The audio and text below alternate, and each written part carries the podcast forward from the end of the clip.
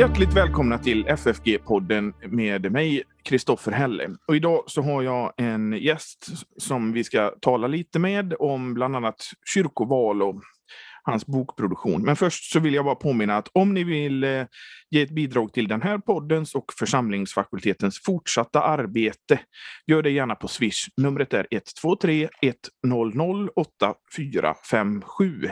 Och numret finns också i avsnittsbeskrivningen. Så märker man det med FFG Podcast eller FFG Gåva. Och nu när det börjar öppna upp lite så börjar också församlingsfakulteten öppna upp och gå gärna in på vår hemsida ffg.se för mer information om vad som händer.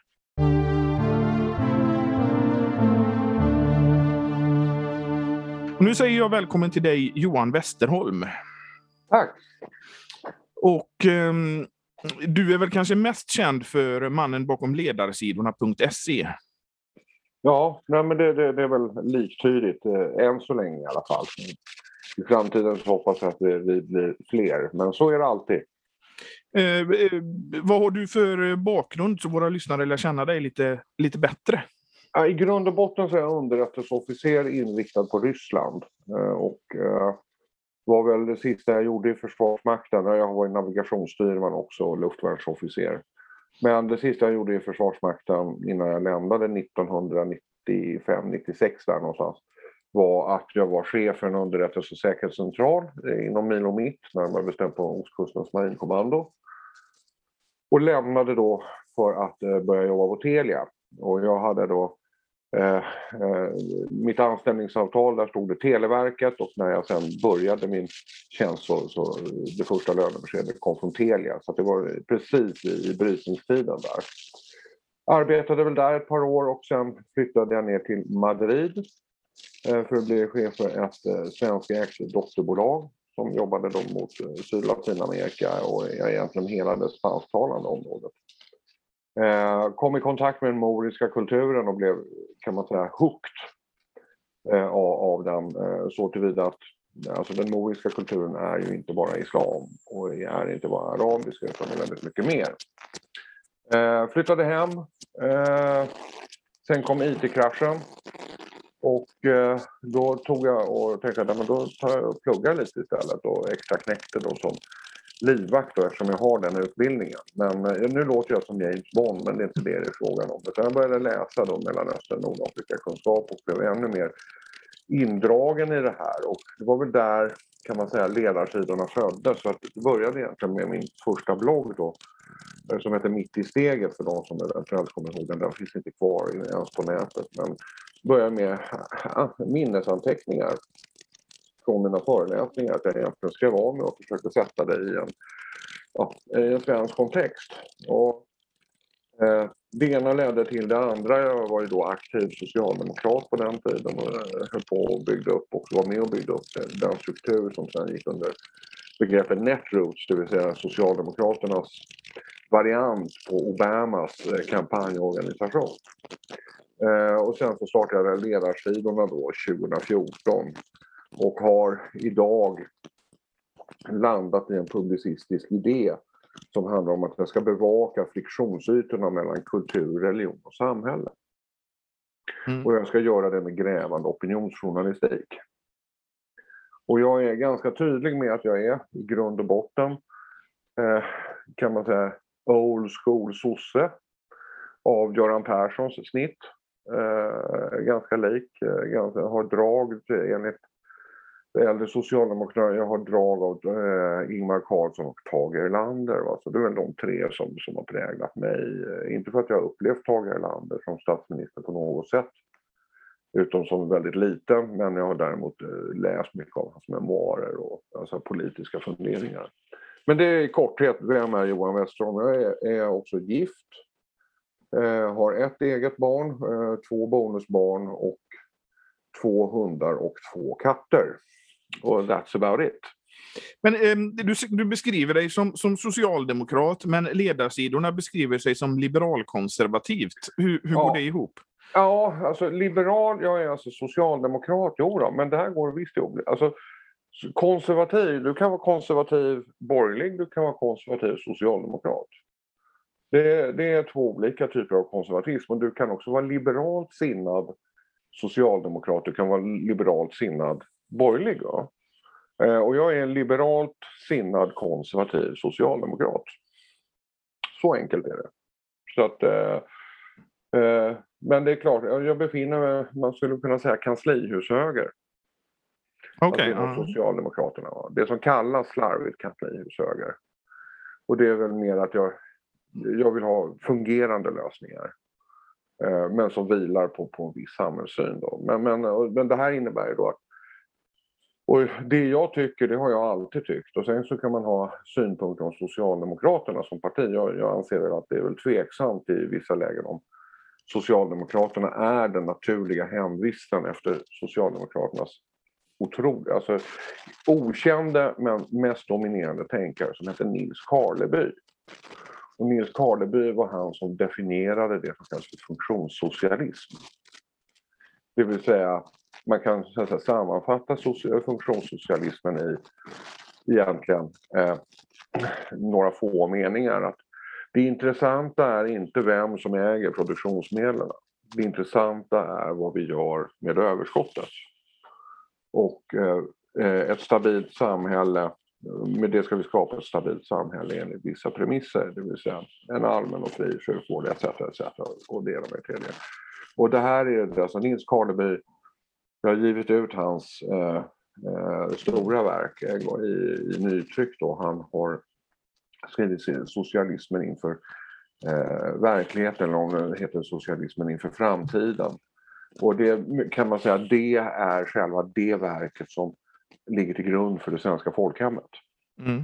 Fördelningspolitiskt, eh, trygghetssystem, äganderätt, eh, gör din plikt, kräv din rätt och sådana här saker. Det, det är sådana där värderingar som ja, man kan återfinna faktiskt i de flesta partier idag. Man kan återfinna de tankarna även i Moderaterna, i Kristdemokraterna och i Centerpartiet. Men, men det är alltså ja, man kan säga så här, i, om man använder sig av lite slarvigt uttryckt eh, socialdemokratisk språkbruk så är jag karlebyist.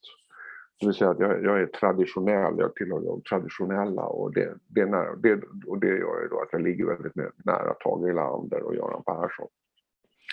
Men just det du beskriver, det här är ju inte en politisk podd utan en mer teologisk podd, men det du beskriver är, en, är någonting som många kristna eh, och, ser idag också, att man, man hittar ingen riktig politisk hemvist någonstans, för det är ingenting riktigt som, som passar in. Alla partier blir liksom lite ihopsmetade på något vis. Ja, ska jag vara lite slarvig så kan jag säga att vi är alla socialdemokrater i någon mån. Eh, nej, nej, inte jag. Nej, nej, inte du. Nej, men, men, vi är präglade av Eh, Eh, kan man säga, eh, mer än hundra år av maktdominans. Och väldigt mycket av vårt samhälle är uppbyggt på, på just Nils Karlebys eh, modeller. Hur man ska se på industripolitik, hur vi ska se på utbildning, hur vi ska se på välfärdsfrågor, vård och omsorg eh, och, och sådana saker. Så det, det, är ju alltså socialdemokratiskt, alltså Nils Karlebys arkitektur bakom det. Och, eh, eh, men sen, sen, har ju då andra influenser kommit in och jag vet att vi kommer komma in på de influenserna här under det här samtalet. Så dagens socialdemokratiska parti, det är inte min hemvist, om jag säger så. Eh, jag känner mig inte hemma i det socialdemokratiska partiet annat än på lokal nivå.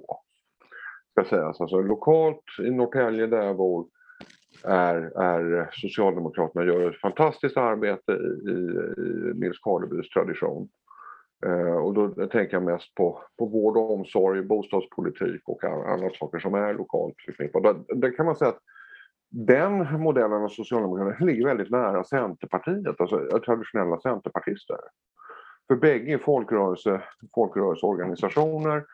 Eh, det som skiljer traditionella centerpartister från traditionella eh, socialdemokrater det är att vi tar, vi tar vissa sociala lösningar och gälla på nationell nivå. Eh, centerpartister säger att det är lokalsamhället som är den viktigaste beståndsdelen och de ska få forma de här systemen, alltså socialförsäkringssystemen, de stora systemen utifrån lokala förutsättningar. Och det är också en förklaring till varför vi ser i hela landet hur Centerpartiet och Centerpartister och Socialdemokrater kommer väldigt bra överens. man har en samsyn på vissa frågor när det gäller eh, eh folkrörelse, eh, identiteten är där, eh, välfärdssystemen, eh, ja, det, det som vi äger och förvaltar gemensamt. Eh, så det är lite grann potato potato över det hela där om man tittar på en traditionell centerparti. Jag kommer väldigt bra överens med Staffan, Dan eh, Staffan Danielsson, den tidigare centerpartistiska riksdagsledamoten. Vi, vi har ungefär samma syn på, på, på saker och ting. Och när han hamnade i Centerpartiet och jag hamnade i Socialdemokraterna. Och det, det, är nu, det är bara hur man extrapolerar. Nu har han lämnat Centerpartiet och återfinns i Kristdemokraterna och jag är socialdemokrat utan parti, eh, partipolitisk hemvist. Men det du beskriver, om man ska göra en parallell till kyrkan, så det med lokal... I, det lutherska, I den lutherska synen så är ju lokalförsamlingen det, det som kyrkan utgår ifrån. Ja. Men i, i, i det här politiska så har det blivit ännu mer centraliserat och toppstyrt. Så i kyrkan så bedriver de en annan politik än vad de gör lokalt egentligen då.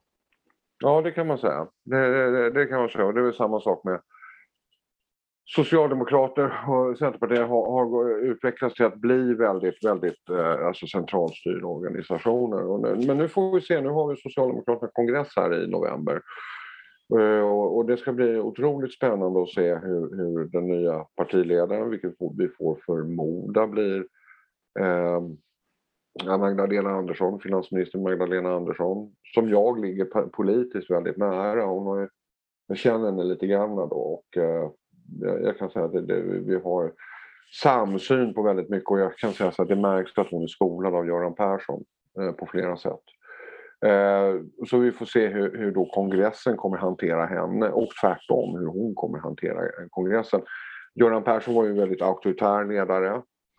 Eh, körde över kongressen flera gånger. Eh, och vi får se om Magdalena Andersson är så pass stark så att hon kan göra det. Det vet jag inte. Det får vi se. Men för kongressen är ju det är lokalorganisationerna, alltså det är ju arbetarkommunernas enda chans att, att, påverka politiken alltså på regeringsnivå. Det. Och, så det kan nog bli en rätt dramatisk eh, kongress, men det kan också bli en odramatisk kongress. Det får vi se för att positionera mig lite så att den socialdemokratiska ledare som jag är närmast är ju Ingvar Carlsson. I och med att vi bägge är boråsare och håller på Älvsborg, men det, det, stannar liksom där tror jag. Ja, ja, okej. Okay. fair enough. Det, det, men det får du gärna, det, det, det, får du gärna säga. Ja. Nej, men, men ehm, du har ju ändå blivit ganska så känd som en kritisk röst av eh, Socialdemokraterna i nutid och särskilt då eh, det som tidigare hette Broderskapsrörelsen och nu heter Tro och solidaritet. Ja, det stämmer. Mm. Och eh, också den här föreningen Hjärta har vi där också. Ja, det, är Tro och solidaritet Stockholmsavdelning kan man säga. Eh, ja, jag är kritisk mot det och det där återigen, jag är eh, Eh, jag är ju då väldigt eh, alltså traditionell socialdemokrat eh, och så tillvida att jag är av den, fasta övertygelsen om att man ska göra en åtskillnad på religion och politik. För att citera då den som är i Europa kände tänkaren Averroes men hans arabiska och riktiga namn var Ibn Rushd. Han levde på 1100-talet. Och han menade, och där skriver jag under på fullt och fast, att den enda stat som kan möta varje medborgare på lika villkor är den sekulära staten som gör åtskillnad på politik och religion. En religiös stat kan inte möta alla medborgare av annan religiös övertygelse på samma villkor. Det ser vi då exempel på idag som till exempel Iran. Eh, eh, ingen ska komma och inbilla mig att Iran möter alla sina medborgare på lika villkor. Nej. Eh, så att det, det, är därför jag, jag är, kan man säga, ur det sättet så är jag nästan fundamentalistisk sekularist. Eh, och, och, där ligger eh, jag väldigt nära då, inte bara Frankrikes president Macron, utan även då som vi pratade in, om innan du drog in inspelningen här, eh, även Spaniens kung Juan Carlos. Eh, och då tar jag det en gång till, för jag tycker det passar in här att när Juan Carlos ärvde ju då makten av Franco och blev sedan utropad till kung av Spanien. Ett av hans första, eh, eh ett av hans första beslut var att han drog in vigselrätten för alla religiösa samfund, inklusive den spanska katolska kyrkan. För den spanska katolska kyrkan hade under Franco utvecklats till ett, ett av Francos verktyg till att övervaka, förfölja och förtrycka den spanska befolkningen. Eh, och det var ju en maktfaktor då när, när eh, Juan Carlos tog över. Så att han, vad han gjorde, han drog in där. Han drog in också allt ekonomiskt stöd. Eh, och det här fick till följd av att då, eh, över natt så tappade eh, spanska eh, kyrkan makt eftersom man inte hade vigselrätten kvar. Så kunde inget äktenskap ingås eh, utan att eh, man hade ingått det inför borgmässan. Det vill säga kyrkan blev överflödig för väldigt många. Och det här fick till följd faktiskt, och nu var det några år sedan jag var nere i Spanien igen, men eh, jag har fortfarande inte träffat en enda spansk präst idag eh, som, som vill ha tillbaka den gamla ordningen. Utan de säger att det här tvingade oss att reformera oss. Det här tvingade oss att stå på egna ben och, och, och tjäna våra församlingsmedlemmar istället för att förtrycka dem. Så alla tycker det här är ett väldigt positiv, en väldigt positiv utveckling. Jag vet inte om du känner till eh, det som i luthersk teologi kallas för tvåregementeslära? Jo, det är precis. Mm. Och, och, det är ju faktiskt någonting som är väldigt viktigt inom luthersk teologi. Och vi såg, jag vet inte om du såg det här tv-programmet eh, Sverige möts förra veckan innan kyrkovalet? Ja, jo jag såg det. Med, med eh, Ann Heberlein och Anna Ardin och Anders Lindberg och ja, det var ju några stycken där. Ja, Åke Bonnier var med där. Fredrik Sidenvall också som... Ja. Eh, och då, då, är ju, då tar ju både Fredrik Sidenvall och Anna Ardin upp det här med tvåregementeslära. Mm. Hur, hur, viktigt det är. Och det, det är ju det som liksom vi har, har eh, byggt det här samhället på, på något sätt. Att man inte blandar ihop Mm. Eh, men nu tycker jag också att kyrkan börjar liksom gå in i politiken lite för mycket också. Ja, och det här är lite grann eh, är spännande för det var egentligen det som valet kom att handla om. Eh, alltså på en yttre betraktare så hade vi det här med väjningsrätten för, för präster som, som eh, inte ville viga samkönade par. Eh, och det här är ju ganska spännande för att, eh, och det här var ju då en, en stor fråga fram till egentligen, alltså i slutet ursäkta mig, av valrörelsen så, så eller då, tiden, jag vill inte kalla det för valrörelse för det var ingen valrörelse i egentlig mening. Men, men tiden före valet så tonades det här ner till förmån för vad som egentligen eh, eh det här valet kom att handla om. Och det var hur mycket politik ska finnas i kyrkan. Och där jag tycker Antje Jackelén som lördagen innan valet i en intervju eh, genomförd av TT men publicerad i Sveriges, eh, eller fel, Svenska Dagbladet. En väldigt bra intervju. Jag är ju inte överens med Antje Jackelén på många punkter, det, det, det, ska sägas. Men där hon faktiskt säger, ja det här med, att, det här med väjningsplikt, och, eller väjningsrätt möjlighet och inte väjningsmöjlighet. Till att börja med så är, förutsätter där i förlängningen att vi upprättar åsiktskataloger över alla präster eller alla prästvigda. Det är olagligt. Eh, och sen är inte det här, säger Antje Jackelén, och det här är första gången jag hör henne säga det. Det här är inte en fråga för kyrkorådet eller kyrkomötet att besluta om. Eh, utan det här är någonting som vi måste lägga i händerna på biskoparna. Som inför prästvigning gör en helhetsbedömning av varje individ. Och det här, där, det här är en parameter. Och eh, för, för då de biskopar som tycker att det här är viktigt. Va? Och det här är, är, är, det här är ju någonstans första gången som jag hörde henne väldigt ta ställning för att skydda teologin och ekumeniken från politisk intervention. Och det var ju det som lite grann det här valet kom att handla om. Och, och, väldigt mycket. och det här ser vi, nu kommer vi in på egentligen temat här så alldeles strax. Men, eh, Eh, och under valrörelsen också, då går både Gunnar Weman, eh, tidigare, alltså han var ju då den sista eh, eh, renodlade eh, ärkebiskopen som hade att eh, eh, förvalta en statskyrka. Det var KG, KG Hammar var den sista. Ja, nej, nej, nej, och, ja. och sen KG Hammar. Men både Gunnar Weman och KG Hammar de är väldigt tydliga med att säga du, det här, den här skilsmässan mellan kyrka och stat, den blev inte så lyckad. Vi skulle ha strukit alla politiska partier från att ställa upp och inte ha någon form av frivillig koppling, att man fick ställa upp om man ville. Nu är det då fyra partier, politiska partier som har eh, representation i kyrkomötet och det är Alternativ för Sverige, det är Centerpartiet, det är eh, eh Sverigedemokraterna och det är Socialdemokraterna. Och ingenting är speciellt lyckat att ha alltså renodlat. Och det, det säger två eh, alltså, eh, ärkebiskopar emeritus. Det är ganska starkt. Mm. Och så att vad jag ser framför mig nu, och nu det här återspeglar det två saker och ting.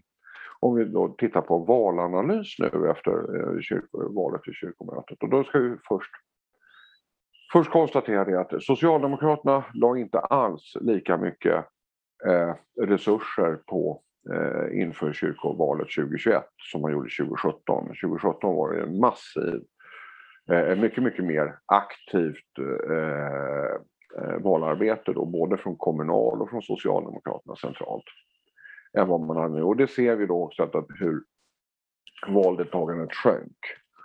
Eh, och, eh, från 19 till 17 procent. Så det är en trend, en spaning. Men sen så ser vi då ett antal rörelser i, i, eh, alltså i eh, valet till kyrkomötet. Och det är då de fyra partier som har en tydlig partipolitisk koppling, det är de här fyra partierna. AFS, Centerpartiet, Socialdemokraterna och Sverigedemokraterna. Samtliga backar.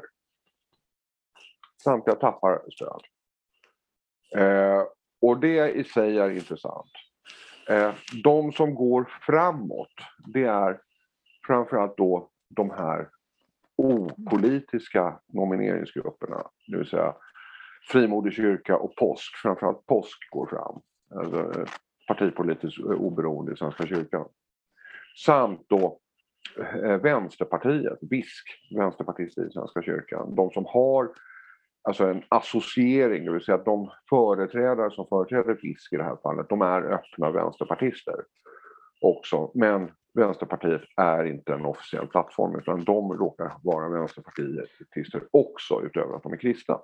Men, Men jag, vet också, jag vet också att VISK har inte upp alla medlemmar tror jag i Vänsterpartiet och sådana här. Så att de har ju ändå de har drivit väldigt mycket. Och... Ja, de driver internt och det, det, det är så här. Och sen så vill jag peka på att eh, det, dels är det en mobilisering i VISK men sen så skulle jag också säga att det är, det är en effekt av Nooshi Dadgostar eh, som ny partiledare.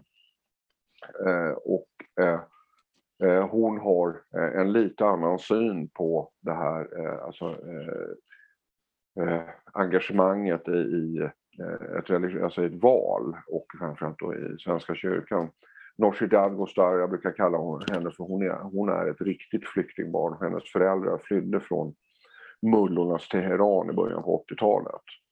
det vill säga hennes föräldrar har ju mycket, mycket färskt minne vad en teokrati kan ställa till det med. Mm. Och det driver på henne att liksom engagera sig i alla allmänna val eh, kan man säga. Så att det, eh, och, och, där kan man säga att även fast jag inte delar Nooshi Dadgostars syn på äganderätten eh, jag är djupt, djupt kritisk till, näst, nästintill eh, hatisk till eh, Vänsterpartiets eh, politiska rötter. jag är själv från eller eh, jag kommer från en finlandssvensk familj. Pappa är född i Helsingfors. Eh, både pappa och farfar eh, har upplevt kriget. Farfar slogs under Mannerheim i det rödvita kriget, frihetskriget. Så att, jag är ju naturligtvis präglad av, av det synsättet.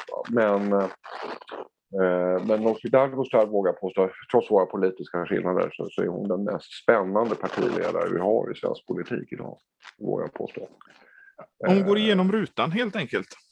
Ja, och hon har ett språk hon har ett sätt som också jag kan förstå att traditionella socialdemokrater eh, kan känna sig attraherade mm. Hade inte mitt kommunisthat varit så, så grundmurat så skulle jag mycket väl kunnat äh, vara en av de som lyssnade på de locktonerna. Eh, dock ej med äganderätt och annat. men, men, men, nej, men, men, alltså, men hon är en spännande politiker. Eh, otroligt spännande. Men, men um om, om, om, jag har pratat med några andra, och det här är ju rena gissningar, men eh, just det här med, vi pratar om partipolitiskt uh, obundna, eller vad de heter, påsk. Ja, påsk att, ja. ja att, att de tar någonstans mellan 5 och 10 procent bara på namnet. Ja, det är ett bra namn.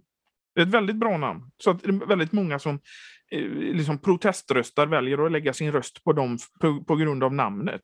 Ja, och jag, jag, jag, jag fick ju flera samtal här innan, eh, innan eh, och mejl och annat då. Jag tror jag uttalade mig om eh, i Aron Flams podd så, så frågade jag liksom, vad ska man rösta på om man ska rösta. Då sa jag just påsk för att det, det, det var ju de som var tydligast med att säga att vi vill liksom nog ha mer in mer religion i kyrkovalet, i, alltså i, i valet till kyrkomöte. Vi eh, jobbar med, med, med vad är kyrkan ska jobba med, jo, uppsökande verksamhet, alltså mer av diakoni, mer, mer av de traditionella eh, värdena. Och det, det kan jag säga, så här, ja men det var fine. Alltså, kyr, alltså, kyrkomötet ska inte ägna sig åt teologiska, ekumeniska resonemang och tolkningar utan de ska titta på verksamheten istället och ekonomin som det var tänkt från början. Men ja, nu får vi se. De kommande fyra åren kommer i alla fall bli jättespännande. Eh, med min teologiska eh, kunskap och så, så skulle jag säga att eh, frimodig kyrka är väl det alternativet som är mest kyrkligt så att säga. Där, ja, det, oh ja, oh ja. Det, det, är ju det som är flest präster och, och, aktiva i kyrkomötet och, och sånt där också.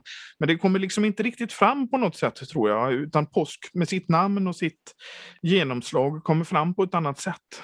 Ja, men påsk är mycket enklare att ja. komma ihåg som ord. Ja, mm. påsk. Ja. Så där, där, där, där, det var riktigt begåvat. Kan jag säga. Ja. Det var Annika Borg var en av grundarna av påsk. Och hon, blev sedermera kanslichef för Moderaterna i Stockholms stadshus. Så det, det, ja. Eh, men en, en, sak som jag har reflekterat över i den här valrörelsen, det var att eh, Socialdemokraterna, de, de, de hade två stycken som, som liksom var deras frontfigurer. Och det var eh, Ulla Löfven, hon var lite så här mysig kan man säga. Mm. Och sen den andra som de skickade fram, det var Anders Lindberg. Mm. Mm. Anders Lindberg var, han, jag tänker att det han gjorde, det var ju väldigt mycket att han kastade ur sig saker som om, om en politiker hade sagt det så hade det nästan blivit skandal. Ja, Anders Lindberg han är en opinionsdrivare och eh, det, det är, nu, nu är han... Eh, det, det, här var faktiskt, jag har ju känt till i många år att han är troende och han är, eh, eller praktiserande skulle jag vilja säga då. Han har ju rätt till sin tro och den händer om man vill. Men, men, han är praktiserande eh, och han har varit i många år och det präglar väldigt mycket av hans eh, eh, just den här sammanblandningen som jag vet vi kommer komma till här. Va? Men, men alltså det här ser man i Anders Lindbergs praktik, alltså hur det här postmarxistiska rastret eller idealet som, som har sina rötter i, i 68-kyrkan, närmare bestämt kyrkomötet 1968 i Uppsala. Och här vill jag framhålla idéhistorikern, docenten Johan Sundén i, i, i hans bok Stora parad, praktverk, 68-kyrkan. Eh, som han har lovat mig ett nytt exemplar för det gamla är sönder nu. Det är söndertummat. Eh, oerhört väl beskrivet hur, hur de här postmarxistiska idealen från 68-rörelsen eh, eh, inte bara kryper in utan etablerar sig som en, en, en kraft i, i Svenska kyrkan. Därav eh, titta på botten kyrkan. Eh, och med en postmarxistisk raster ovanpå eh, eh, de religiösa urkunderna eh, så, så öppnade man liksom dörren för inte bara eh, befrielseteologiska tillämpningar men framförallt eh, ersättningsteologiska tillämpningar. Eh, och det finns ju då några citat som kan vara värda att lyfta fram. Den, en, första är från Jonas Jonsson som sen blev biskop Sträng.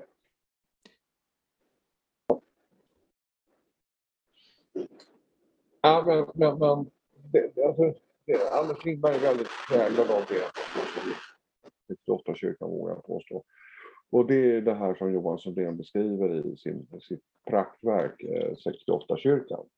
Mm. Eh, och Eh, det är då när det postmarxistiska och postkoloniala rastret inte bara tar sig in i, i kyrkan utan lägger sig som en naturlig del ovanpå de teologiska och ekumeniska tolkningarna av, av de religiösa urkunderna. Och det öppnar ju dörren, inte bara för befrielseteologi, utan framförallt ersättningsteologi. Eh, och då har vi då två citat vi kan så exemplifiera det här med. Och det ena är då från Jonas Jonsson, eh, biskop emeritus i Strängnäs.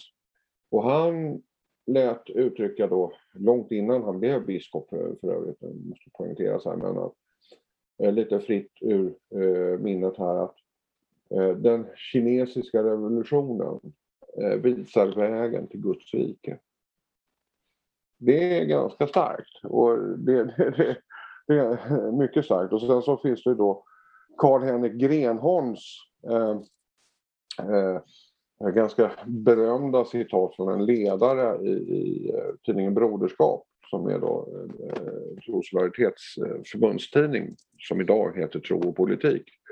Men där han skrev, skrev att eh, eh, palestinierna önskar förinta staten Israel detta är en mycket god sak som ska stödja. Jag och Johan Sundén, vi jagade nu, jag, jag tror jag har jagat dem i fem år. Och eh, jag och Johan tillsammans i ett och ett halvt eller två år. Eh, och vi fick den här för några månader sedan. Det där jag sa för 50 år sedan. Det var men det tog 50 år att backa från det. Ja.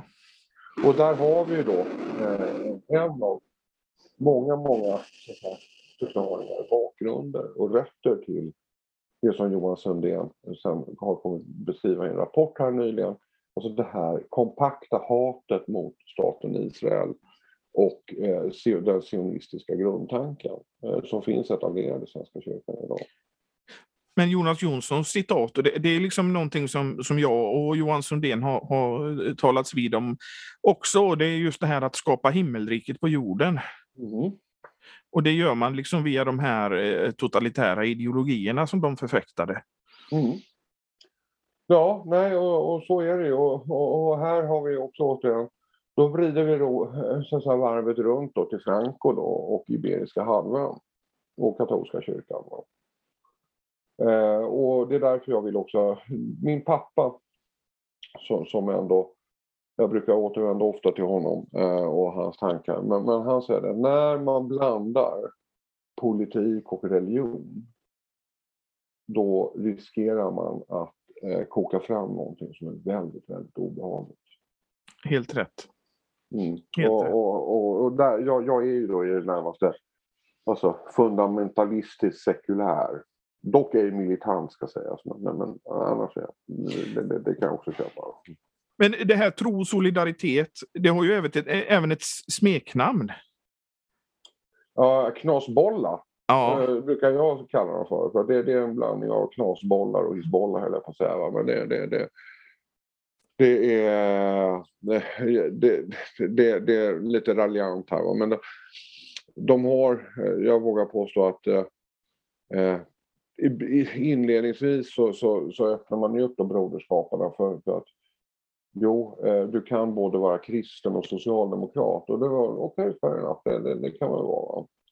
Men så fort man så att säga, lä, så att säga, släppte in dem som en officiell eller en accepterad sidoorganisation och innan, inadjungerade dem både i partistyrelse och i verkställande utskott så gav man dem en makt som jag eh, och de lyckades också sen utveckla det här, det här med synen på sig själva som Socialdemokraternas samvete. Eller kristna samvete och det här har de lyckats med väldigt, väldigt väl. Eh, och de är idag inadjungerade i verkställande utskottet, ständigt inadjungerade. Eh, och de har ju också sen med med 68-rörelsen. Man kan säga att de blev väldigt, väldigt affekterade av den här 68-rörelsen och, och de slog väl rot det där. Och tog inspiration från dels Latinamerika, de frihetsteologiska, eh, alltså postkoloniala rörelserna, eh, men även då eh, rätt mycket från, från en, eh, eh alltså den afrikanska eh, fri, eh, frihetskampen. Då, och, och, och som många Eh, socialdemokratiska eh, politiker blev väldigt fascinerade av, framförallt då Algeriets frihetskamp. Och vrider vi då tillbaka lite klockan till då början på 60-talet så finns det en tänkare som heter, eh, en algerisk tänkare som är född på Mauritius som heter Frans Fanon. Frans Fanon är författare till Jordens fördömda. Och den gavs ut postumt 1961. Och den eh, legitimerar politiskt våld i en frigörelsekamp. Eh, Olof Palmes första egentliga utlandsresa företog han till Alger, Alger 1962. Och då var de här idéerna i svang. Och de här idéerna kom ju så att säga, Frans Fanon och hans senare brevväxling med, med en eh, iransk tänkare som heter Ali Shariati kom sen att eh, påverka islamistiska rörelser väldigt mycket och låg till grund för, kan man säga, eh, den iranska revolutionen 1979, det vill säga 17 år senare. Och Frans Fanon har också kommit att påverka eh, Malcolm X, Martin Luther King eh, och, och de rörelserna. Så att det här är, det här är, man kan säga att hela den postkoloniala rörelsen, eh, 68-rörelsen, Vietnamrörelsen, eh, 68-kyrkan har, alltså, har sina rötter i, i fyra, fem olika tänkare som har så att säga, smittat varandra eller har i, inte smittat varandra för det låter eh, fel men, men har influerat varandra väldigt mycket. Då. Och då, då får vi de här sen effekterna som, som kommer in i, våra dagar och i andra politiska rörelser. Och då är vi faktiskt inne både på min tidigare bok och min kommande bok när, när vi pratar om just det här. För att det, det här jag har ju då skrivit då Islamismen i Sverige som handlar väldigt mycket om Muslimska brödraskapet. Kan, kan vi eh, stanna lite där och förklara ja. vad eh, Muslimska brödraskapet är för något? Muslimska brödraskapet är i grunden en social organisation som bildades av Hassan al-Banna 1928. Eh, och det var i, i protest mot, mot, den egyptiska eller då den eh, brittiska överhögheten i, i, eh, i Egypten. Eh, inledningsvis som en social rörelse, alltså med, med vård, skola och omsorg. Men utvecklas mer och mer till att bli en politisk rörelse. Och på 30-talet så närmar sig då Hassan al-Banna, men framförallt stormuftin i Jerusalem, eh, närmar sig nazismen. Och, eh, och det är ju då för att eh, Hassan al-Banna och Muslimska brödraskapet, de identifierar helt korrekt eh, att Tyskland och de tyska nazisterna är ju då den militära politiska kraft som kan kasta ut britterna från Egypten. Så man allierar sig med dem och det slutar med att stormuftin av Jerusalem, han flyttar till Berlin. Eh, han bi, eh, bistår Heinrich Himmler i att rekrytera det som kallas för Schar, eh, Handschar-divisionen på Balkan. Stormuftin lyckas alltså rekrytera 27 500 man på tre veckor till den här divisionen. Det ska man då jämföra med att SS lyckas kanske rekrytera 300-400 danska soldater, några tusen belgiska, eh, några hundra norska etc. etc. Men, men här, här alltså, Hitler där stått och har gapat över bara den här prestationen. Eh, och där nazismen, nazisterna och eh, eh, Muslimska brödraskapet delar eh, mycket, eh, alltså samma synsätt. Det är, bägge är kollektivistiska rörelser Eh, ägargemenskap, eh, det är eh, eh, eh stora förflyttningar av egendomar, det är en utpräglad antisemitism, synen på judar, en ideologisk likriktning av ett samhälle med mera, med mera. Men delar även synen på kollektiva, eh, kollektivt ägda och driftsatta eh, välfärdssystem till exempel.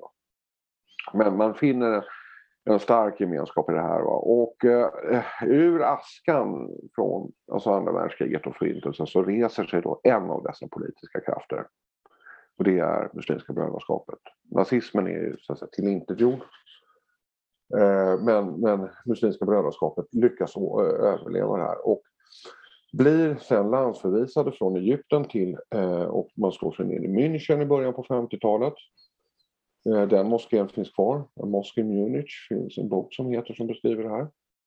Eh, och etablerar sig där. Man upptäcker att eh, trots att eh, Tyskland och Europa ligger i spillror så, så, så, går det att etablera sig. Det är ett öppet samhälle baserat på stor tillit till, till varandra. En bra miljö att etablera sig i helt enkelt. Och under 50-talet så etablerar man sig där och sen under 60-talet så kommer de här influenserna. Eh, och eh, 64 så blir P, eh, Yasser Arafat utsedd, utsedd av stormuftin till ordförande till PLO. Det vill säga att det, det, är inte ett val av Yasser Arafat till ordförandeskapet utan han blir utsedd. Och eh, Yasser Arafat är alltså eh, eh, Arafat, Yasser Arafats mamma är kusinbarn till, till eh, stormuftin i Jerusalem. Så det, det, det, det, här går i arv också. Och eh, eh under 60-talet så närmar man sig då framförallt Östtyskland. Det är en egen historia. 1973 så slår PLO upp sitt första kontor eh, i, i Europa och det gör man i Östberlin. Och eh, har ett mycket, mycket intimt samarbete sen med, med Östtyskland eh, under många, många år.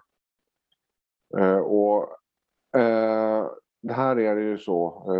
och med den etableringen i Östtyskland så öppnas även vägarna till eh, Svenska kyrkan kan man säga, samarbeten där. Eh, och influenser. Men eh, vi vet ju att till exempel det svenska vänsterpartiet hade relationer med eh, DDR, Öst, Östtyskland. Ja. Möttes de också där eller? Ja, de möttes där också. Men, men, men, men Vänsterpartiet var ganska enkla att hålla koll på från, från eh, Socialdemokraternas sida. Bland annat IB, alltså mm. informationsbyrån, växte ju fram då för att hålla undan alla trotskister och annat löst folk eh, borta från arbetarrörelsen. Men Svenska kyrkan var det väl ingen som bevakade i egentlig mening. Och här sker ett ganska säga, intimt utbyte. Eh, det sker också utbyte på officiell nivå eh, när det gäller eh, hela den svenska enhetsskolan kan man säga som, som vi ser den idag. Det är ett arv från, från samarbetet mellan DDR och eh, Sverige under den här tiden. Eh, och här ska vi veta att eh, bland annat sista ordföranden i vänskapsförbundet DDR, eh, Sverige-DDR. Det var biskopen i Stockholms stift. Jaha. Var det Ingmar Ström? Ja, jag kommer inte ihåg, jag har inte hans namn just nu men det, det, det är lätt att kolla. Men, det, det var alltså den sista eh, ordföranden. För sen så eh, 1989, 90 upplöstes ju sen DDR och blev bara Tyskland. Och det, men, men eh, den sista eh, eh, ordföranden var... var alltså, så det, det, finns alltså en väldigt, väldigt stark koppling mellan DDR och den Svenska kyrkan. Och det var för övrigt den biskopen som sen prästvigde Antje Jackelén. Bara en liten passus. Så att eh, de sympatierna, vänstersympatierna var väldigt, väldigt, väldigt tydliga. Eller då. Jag skulle tro att det var, var Ingemar Ström. Ja, men det kan stämma. Det kan stämma. Och eh, när han biskopsvigdes så vägrade ju biskopen i Göteborg och biskopen i Skara att eh, medverka. För de mm. tyckte att han eh, inte borde ha blivit det. Så Bertil Gärtner och eh, Helge Brattgård var inte på biskopsvigningen. Mm. Nej, men, eh, just det, nej, men han är den... Eh, eh ja, det ska vi se här. Eh, ja, men, men, det är, men, men det är i alla fall... Eh, det är väldigt, väldigt... Det, det, det, finns väldigt mycket att, att orda om här. Men den här kopplingen som du tar upp, eh, du har talat om det vid andra tillfällen och i din bok, just den här kopplingen mellan Muslimska brödraskapet och Socialdemokraterna och då särskilt tro och solidaritet. Ja. Hur, hur ser den ut och vad, vad förenar dem? Så det, det, det, som förenar dem är just eh, alltså, Muslimska brödraskapets trosolidaritet. Det är eh, de förenas genom personunioner. Men det, då, då, måste vi titta på alltså de, de ideologier, eh, alltså ideologiska raster som ligger på de här eh, två organisationerna. Eller det, Muslimska brödraskapet är inte en organisation, man kan säga att det är ett nätverks, eh, eh nätverkskluster. nätverkskluster. Eh, och det, det, här är ju då eh, eh det, det, det då som det, det som de eh, förenar dem, det är det postmarxistiska, postkoloniala rastet som ligger ovanpå. För det är det som händer med Muslimska brödraskapet alltså på 60-talet, att de anammar ett postkolonialt, eh, eh, postmarxistiskt eh, raster som de lägger på de, de religiösa eh, urkunderna som de redan har på, låtit påverkas av eh, Eh, av nazismen. Va?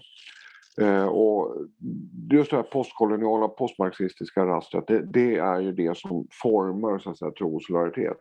Nu hittar jag det, det är Lars Karlsson, biskop emeritus. Okay. Det var han som var eh, sista ordförande för, eh, för eh, förbundet Sverige-DDR och hans företrädare var Stellan Arvidsson som då införde den tyska enhetsskolan med DDR som förebild. Så att det, det det. Ja. Men nu hoppar vi tillbaka här. Eh, och det, här, det är den här postkoloniala, postmarxistiska eh, eh, strömningen som, som förenar dem och det är därför de kommer bra överens. Och just det här postkoloniala, postmarxistiska eh, rastret har idag, och det här är ganska nyligen nu, det har föranlett bland annat eh, Shura-rådet vid eh, eh Al-Azhar, universitetet i, i Kairo, eh, har eh, numera förbjudit eh, troende och praktiserande sunnimuslimer att ha någonting med brödraskapet att göra. För man säger att brödraskapet har smutsat ner islam genom att lägga en politisk tillämpning ovanpå det där politiska rastret ovanpå de religiösa urkunderna. Och att det är då, eh, det är inte tillåtet att eh, blanda upp Koranen med, med av människan eh, påkomna olika politiska eh, ideologier. Så det är lite intressant att eh, mm. av alltså det mest högst rankade sunnimuslimska universitetets shura-råd har man alltså sagt att nej, Muslimska brödraskapet är smutsigt.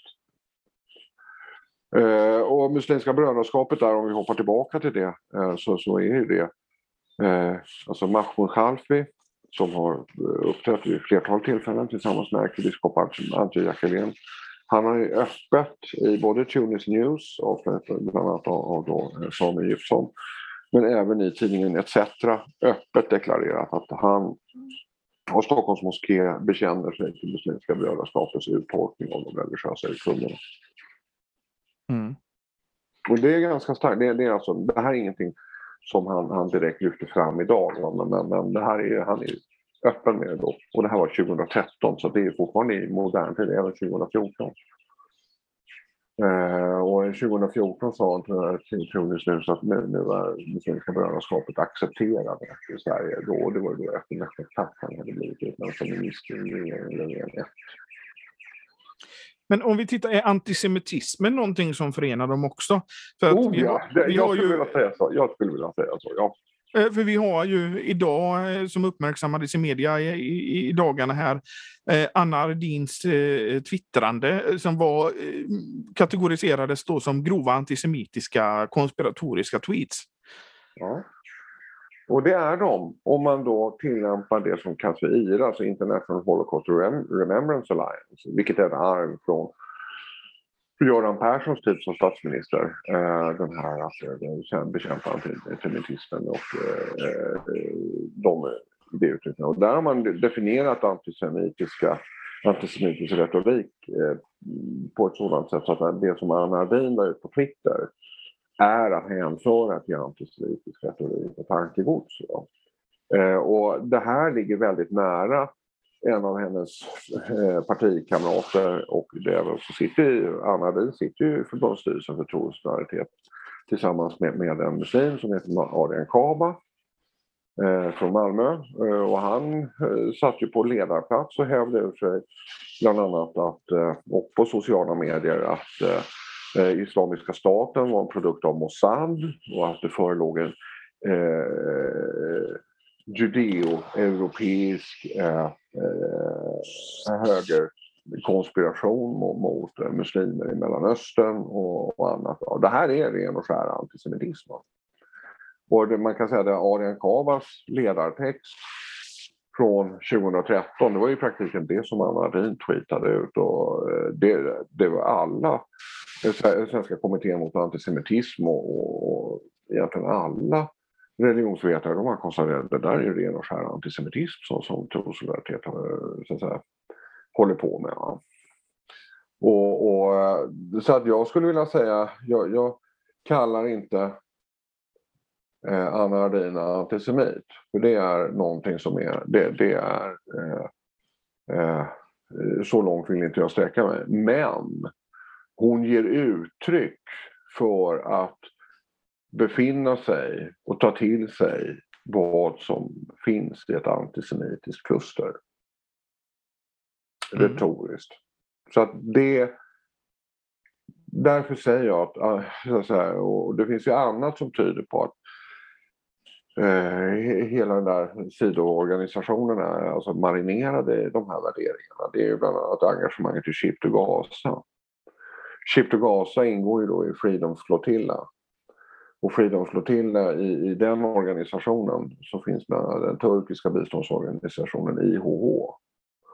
Och IHH är alltså av flera länder terrorklassat. Man har smugglat vapen till den Islamiska staten eh, och på annat sätt betett sig. Och här står ju då, som i svenska Ship to Gaza, fram tills jag började skriva om det faktiskt och befann sig bland annat eh, med Trosolidaritets eh, dåvarande ordförande Ulf Bjäreld i, i första ledet då, och eh, tyckte att det här var någonting jättebra att satsa på.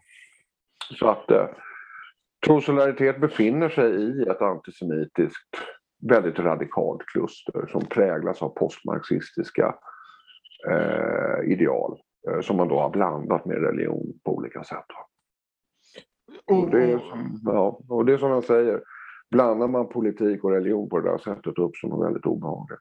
Och det är vad jag anser, det är min äh, bestämda åsikt att trosolidaritet är något väldigt obehagligt. Vad, vad, eh, skulle du säga att trosolidaritet har för inverkan på den socialdemokratiska kyrkopolitiken? För jag vet till exempel som vi nämnde, Ulla Löfven är medlem där och Eh, nu vet inte jag om Ulla Löfven är medlem där, eh, för det har hon inte själv sagt. Eh, däremot så Ulla Löfven ska vi veta att hon kandiderade, hon satt i kyrkomötet nu fram tills i år. Nu har jag inte gått igenom vilka namn som kom in i kyrkomötet nu i den inledande mandatperioden som inleds nu och löper fram till 2025. Men innan så, så var hon ju alltså ombudsman under Karin Jämtin. Eh, när Karin Jämtin var partisekreterare. Karin Jämtin öppen med sitt medlemskap i Trosolidaritet. Och eh, Ulla Löfven var eh, ombudsman på partikansliet under henne med ansvar för kyrkopolitiska frågor. Eh, det är, jag, vad jag skulle vilja säga, det är inte uteslutet, alltså det kan inte uteslutas att hon faktiskt är medlem i Trosolidaritet. Eh, den som... Eh, men det finns ju liksom fler beröringspunkter än statsministerns hustru, den nuvarande statsministerns hustru. Det är ju då eh, Trosolidaritets vice ordförande som heter Jesper Eneroth. Om namnet känns igen så beror det på att eh, Jespers pappa är infrastrukturminister eh, Thomas Eneroths son. Eh, så att det finns ju så att säga, band in i den absoluta ledningen av, av, av eh, Socialdemokraterna. Och tittar man då sen på eh, den här socialdemokratiska föreningen Hjärta som är då egentligen Stockholmsavdelningen skulle man kunna säga. Det, det är ett riktigt maktkluster.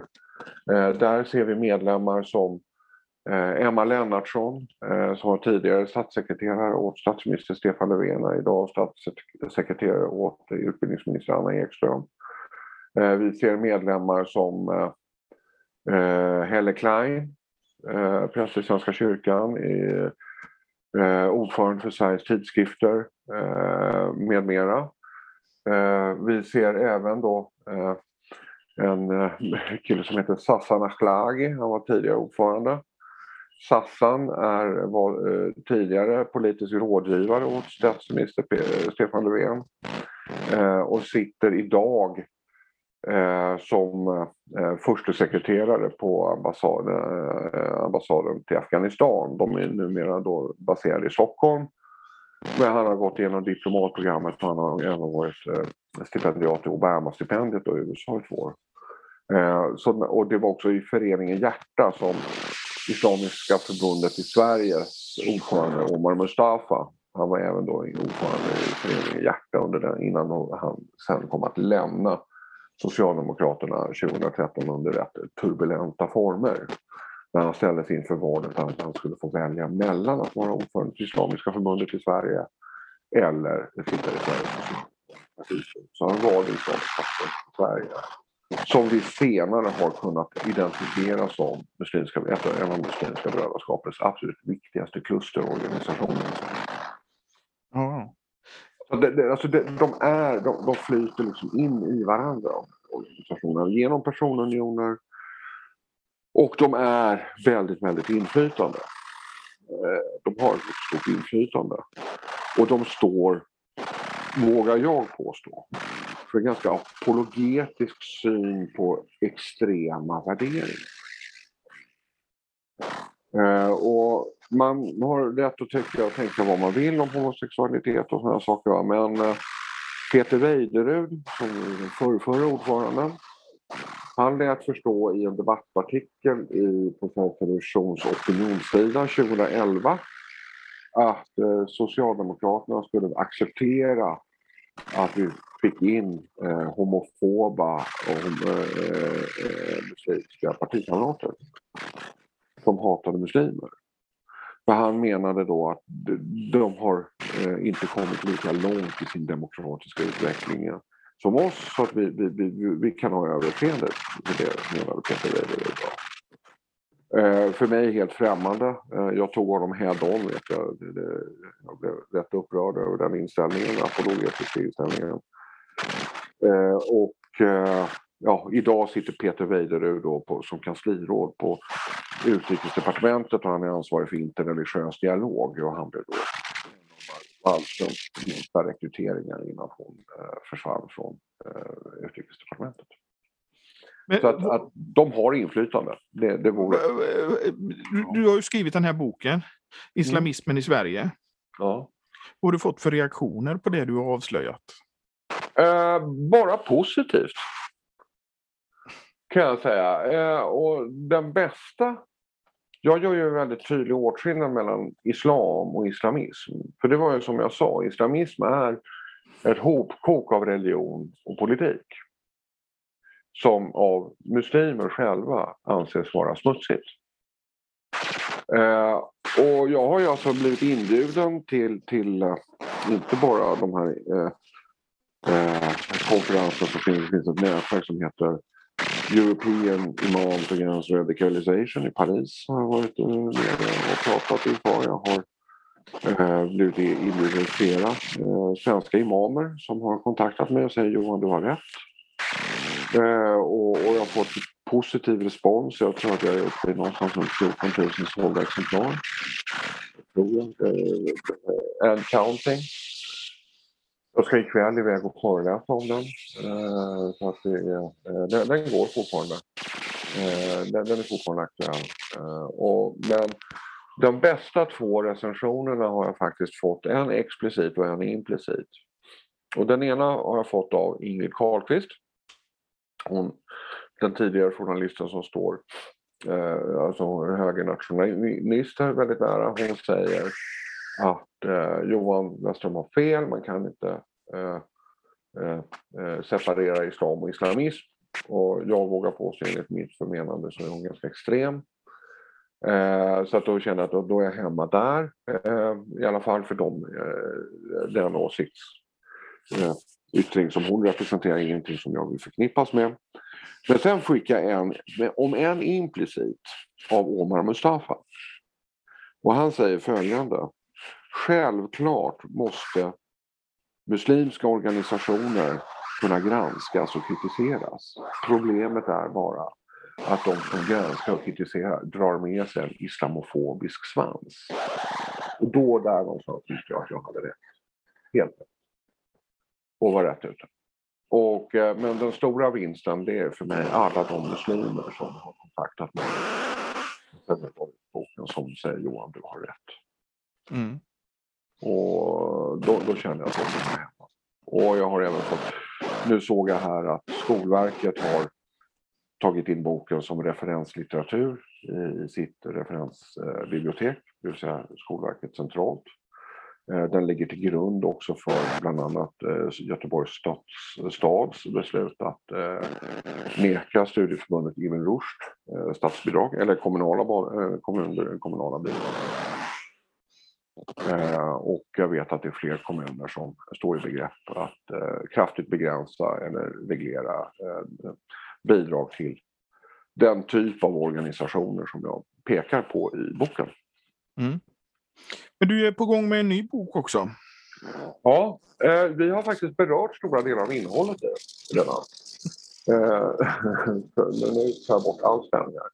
Nej, eh, arbetsnamnet är Ur askan.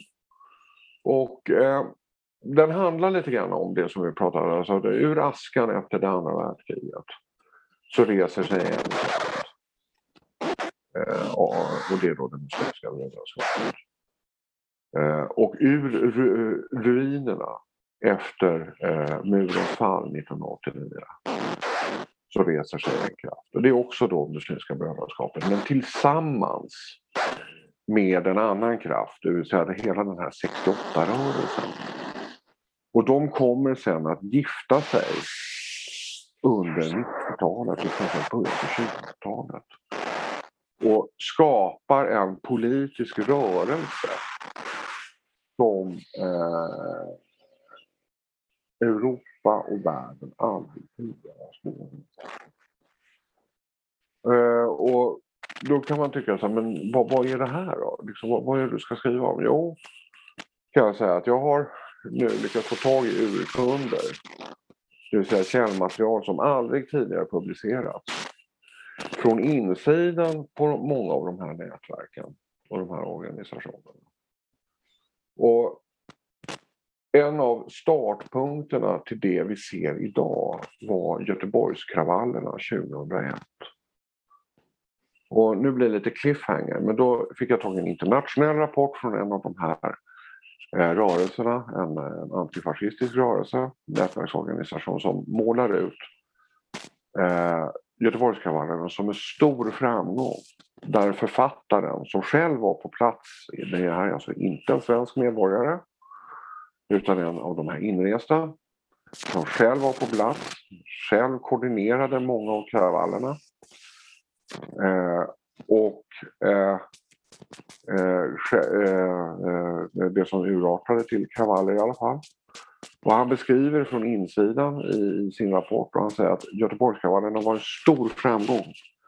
För då fick alla dessa grupper som tidigare var mer eller mindre autonoma, då fick vi kontakt med varandra och vi lyckades etablera våldet som ett naturligt uttryckssätt i politisk debatt. Det är väl extremt? Ja, jag vågar påstå att det är extremt, ja. Och det, och det kan man ju se lite att det goda våldet har nästan hållits lite om ryggen i samhället. Ja, sen får vi, för mig så finns det bara våld eh, och, ja. och icke-våld. Det finns inget gott våld överhuvudtaget och det säljs som före detta officerare. Så det är bara en som ska sitta med våldsmonopolet och det är, det, det är just monopol och deras stater. Eh, både i relation till, till den egna befolkningen och i relation till världen. Men här har vi någonting. Och här finns det också en annan rapport här och den kan jag faktiskt namnge, eh, den, den rapporten. Och det är Magnus, eh, docent Magnus Ranstorp på, på Försvarshögskolan. Eh, han är då eh, verksam vid CATS, Centrum för asymmetriska studier, eller hotbildsstudier författade en rapport om hur de här transnationella rörelserna samverkar. Och det är en rapport som jag kommer inarbeta i min bok. Han kommer fram till ungefär samma saker som jag, bara det att jag tar det något längre och identifierar eh, på ett annat sätt eh, de olika aktörerna. Här är det återigen, nu citerar jag min pappa igen. När religionen möter politiken och blandas, då uppstår något väldigt obehagligt. Och det var det som vi såg på ytan. Vi såg alltså egentligen bara ytan av kravallerna i Göteborg. Uh, och jag kan säga så här, för jag vet att jag, det här nämner jag i bok 1, liksom hur, hur, alltså den, det här är alltså ur askan egentligen en uppföljare då på islamismen i Sverige. Uh, hur, hur de här samarbetena kan se ut och då finns det då ett samarbete som den svenska kyrkan har med, med Muslim, Heritage, eh, Muslim Cultural Heritage Center i Kensington. Och det här är ett samarbete som inte så många känner till. Men just det här eh, Muslim Cultural Heritage Center, vad är det för något? Ja, det, den, kallar, den går under också under benämningen eh, Almanar moskén. Jaha, säger folk, men Almanar, det, vad är det då? Ja, det var Jihadi Johns hemmamoské där han stod och höll sina IS-predikningar på trappan på fredagar. Eh, och den här moskén samarbetar med en annan radikal rörelse, det är Extinction Rebellion, miljörörelsen. Eh, den här eh, som inte utesluter våld och politiska mord för att uppnå eh, klimatmålen. Eh, och det är, alltså, det, det, är det jag beskriver i den här boken Ur askan. Mm. När beräknas den att komma ut? April. Eh, just nu, det är ett omfattande material som jag kommer publicera. Det är jag, är, alltså jag har hållit på med den här ett par månader nu eh, och jag är väl ungefär i en tredjedel har jag lyckats kontrollera alla djurkunder. för det är ganska mycket unika djurkunder som tidigare ej är publicerade och varför kommer jag beskriva i boken varför de inte har kunnat publiceras tidigare. Eh, sen så kommer utgivningen, den kommer ju komma ut i två olika format. Dels boken, bara boken som sådan, som kommer landa på 300-330 sidor kanske. Eh, men sen så kommer det, det, de som köper sen då den utvidgade boken, de kommer få med sig alla källorna i faksimil. Och varför jag gör så är ju då för att framtida forskning men även kvalificerade läsare ska ha möjlighet att själva gå in i mitt källmaterial om jag har tolkat det rätt. Vilket jag vågar påstå att jag har. Jag har hjälp med tolkningen. Det är ganska omfattande översättningsarbete. Mycket ska översättas från arabiska, tyska, franska. Det är en rad med rörelser kan man säga. De möts i, i, i alltså de, de förlovar sig i, det. Så att de förlovar sig i Belgrad. Alltså och din bok Islamismen i Sverige, den, var kan man köpa den någonstans? Bokus, Adlibris. Mm. Eh, det är nätbokhandlarna. Eh, Eh, och jag, jag, trycker upp eh, små tilltryck hela tiden så att den, den, syns. Så den, nu är den uppe, eh, ute i sin andra utgåva. Första utgåvan eh, hade en del eh, alltså tryckfel, eller så jag försökte rätta till. Ett finns tyvärr kvar på sidan 234. Jag har skrivit Iran istället för Iran. Eh, vilket är ju då två helt olika länder. Men det förstår nog läsaren. Eh, det var Eli Gönder som gjorde uppmärksam på det. Man blir blind i egen text. Eh, men det som skiljer första och andra upplagan är att i andra upplagan så leder jag i bevis genom Ibn Rushd och Islamiska förbundets och Islamic Reliefs egna stadgar att det finns en permanent juridiskt bindande koppling mellan organisation och beslutsprogrammet. Mm. Jag tar alltså publicerar deras egna stadgar. Jag kan säga så här, det var ett mindre helvete att få tag i Islamiska förbundets stadgar eftersom de är en stiftelse. Eh, men det gick till slut. Och man hittar dig också på ledarsidorna.se där du frekvent uppdaterar. Ja, och man hittar mig på Facebook och man hittar mig på Twitter också. Ja. Eh, innan vi går till avslut har du, har, så tänkte jag att eh, vad, vad, kan vi dra för slutsatser av det här eh, kyrkovalet? Vad, vad tror du eh, kommer hända? Ja, alltså jag, jag, som jag sa här, eh, nej det var faktiskt en annan intervju jag sa det. Eh, jag tror att eh, vi ska stirra oss mindre blinda på vi ska stirra mindre på själva resultatet som vi ska ta och bevaka och jag kommer naturligtvis vara med och försöka driva debatten eh, åt det håll som Gunnar Rehman, KG Hammar och Antje Jackelén indiké öppnade för veckorna innan, innan valet. Det vill säga den skilsmässan mellan eh, kyrka och stat blev inte så lyckad. Eh, och att eh, eh, man ska säga så här, det, det finns ett moment nu för att avpolitisera den svenska kyrkan. Eh, det tror jag det är den slutsatsen. Dörren har öppnats i den riktningen. Både med valresultatet men framförallt vad de här tre höga företrädarna faktiskt öppnar för. Mm. Och eh, får vi se om det momentet som byggdes upp eh, är tillräckligt starkt för att leva vidare ett år eller två. Och kan det överleva det här närmaste året så tror jag mycket vunnet för de som vill se, likt jag själv, en rejäl skilsmässa mellan kyrka och stat. Mm. Innan vi går till avslut, vill du lägga till någonting? Nej, det här lät som en rättegång. Är det någonting du vill säga till ditt försvar? Nej, det är inte nej.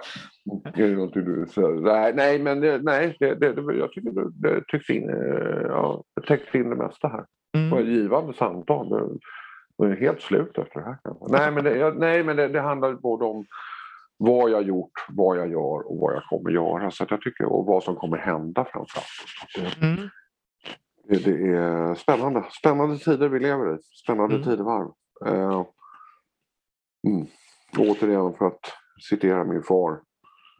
Uh, går det här inte vägen så, så då går vi en mycket obehaglig... Uh, alltså lyckas vi inte lösa upp de här knutarna så går vi en väldigt obehaglig framtid i möte. Så, som, som pappa sa, han har redan upplevt det en gång, han vill inte uppleva det en gång.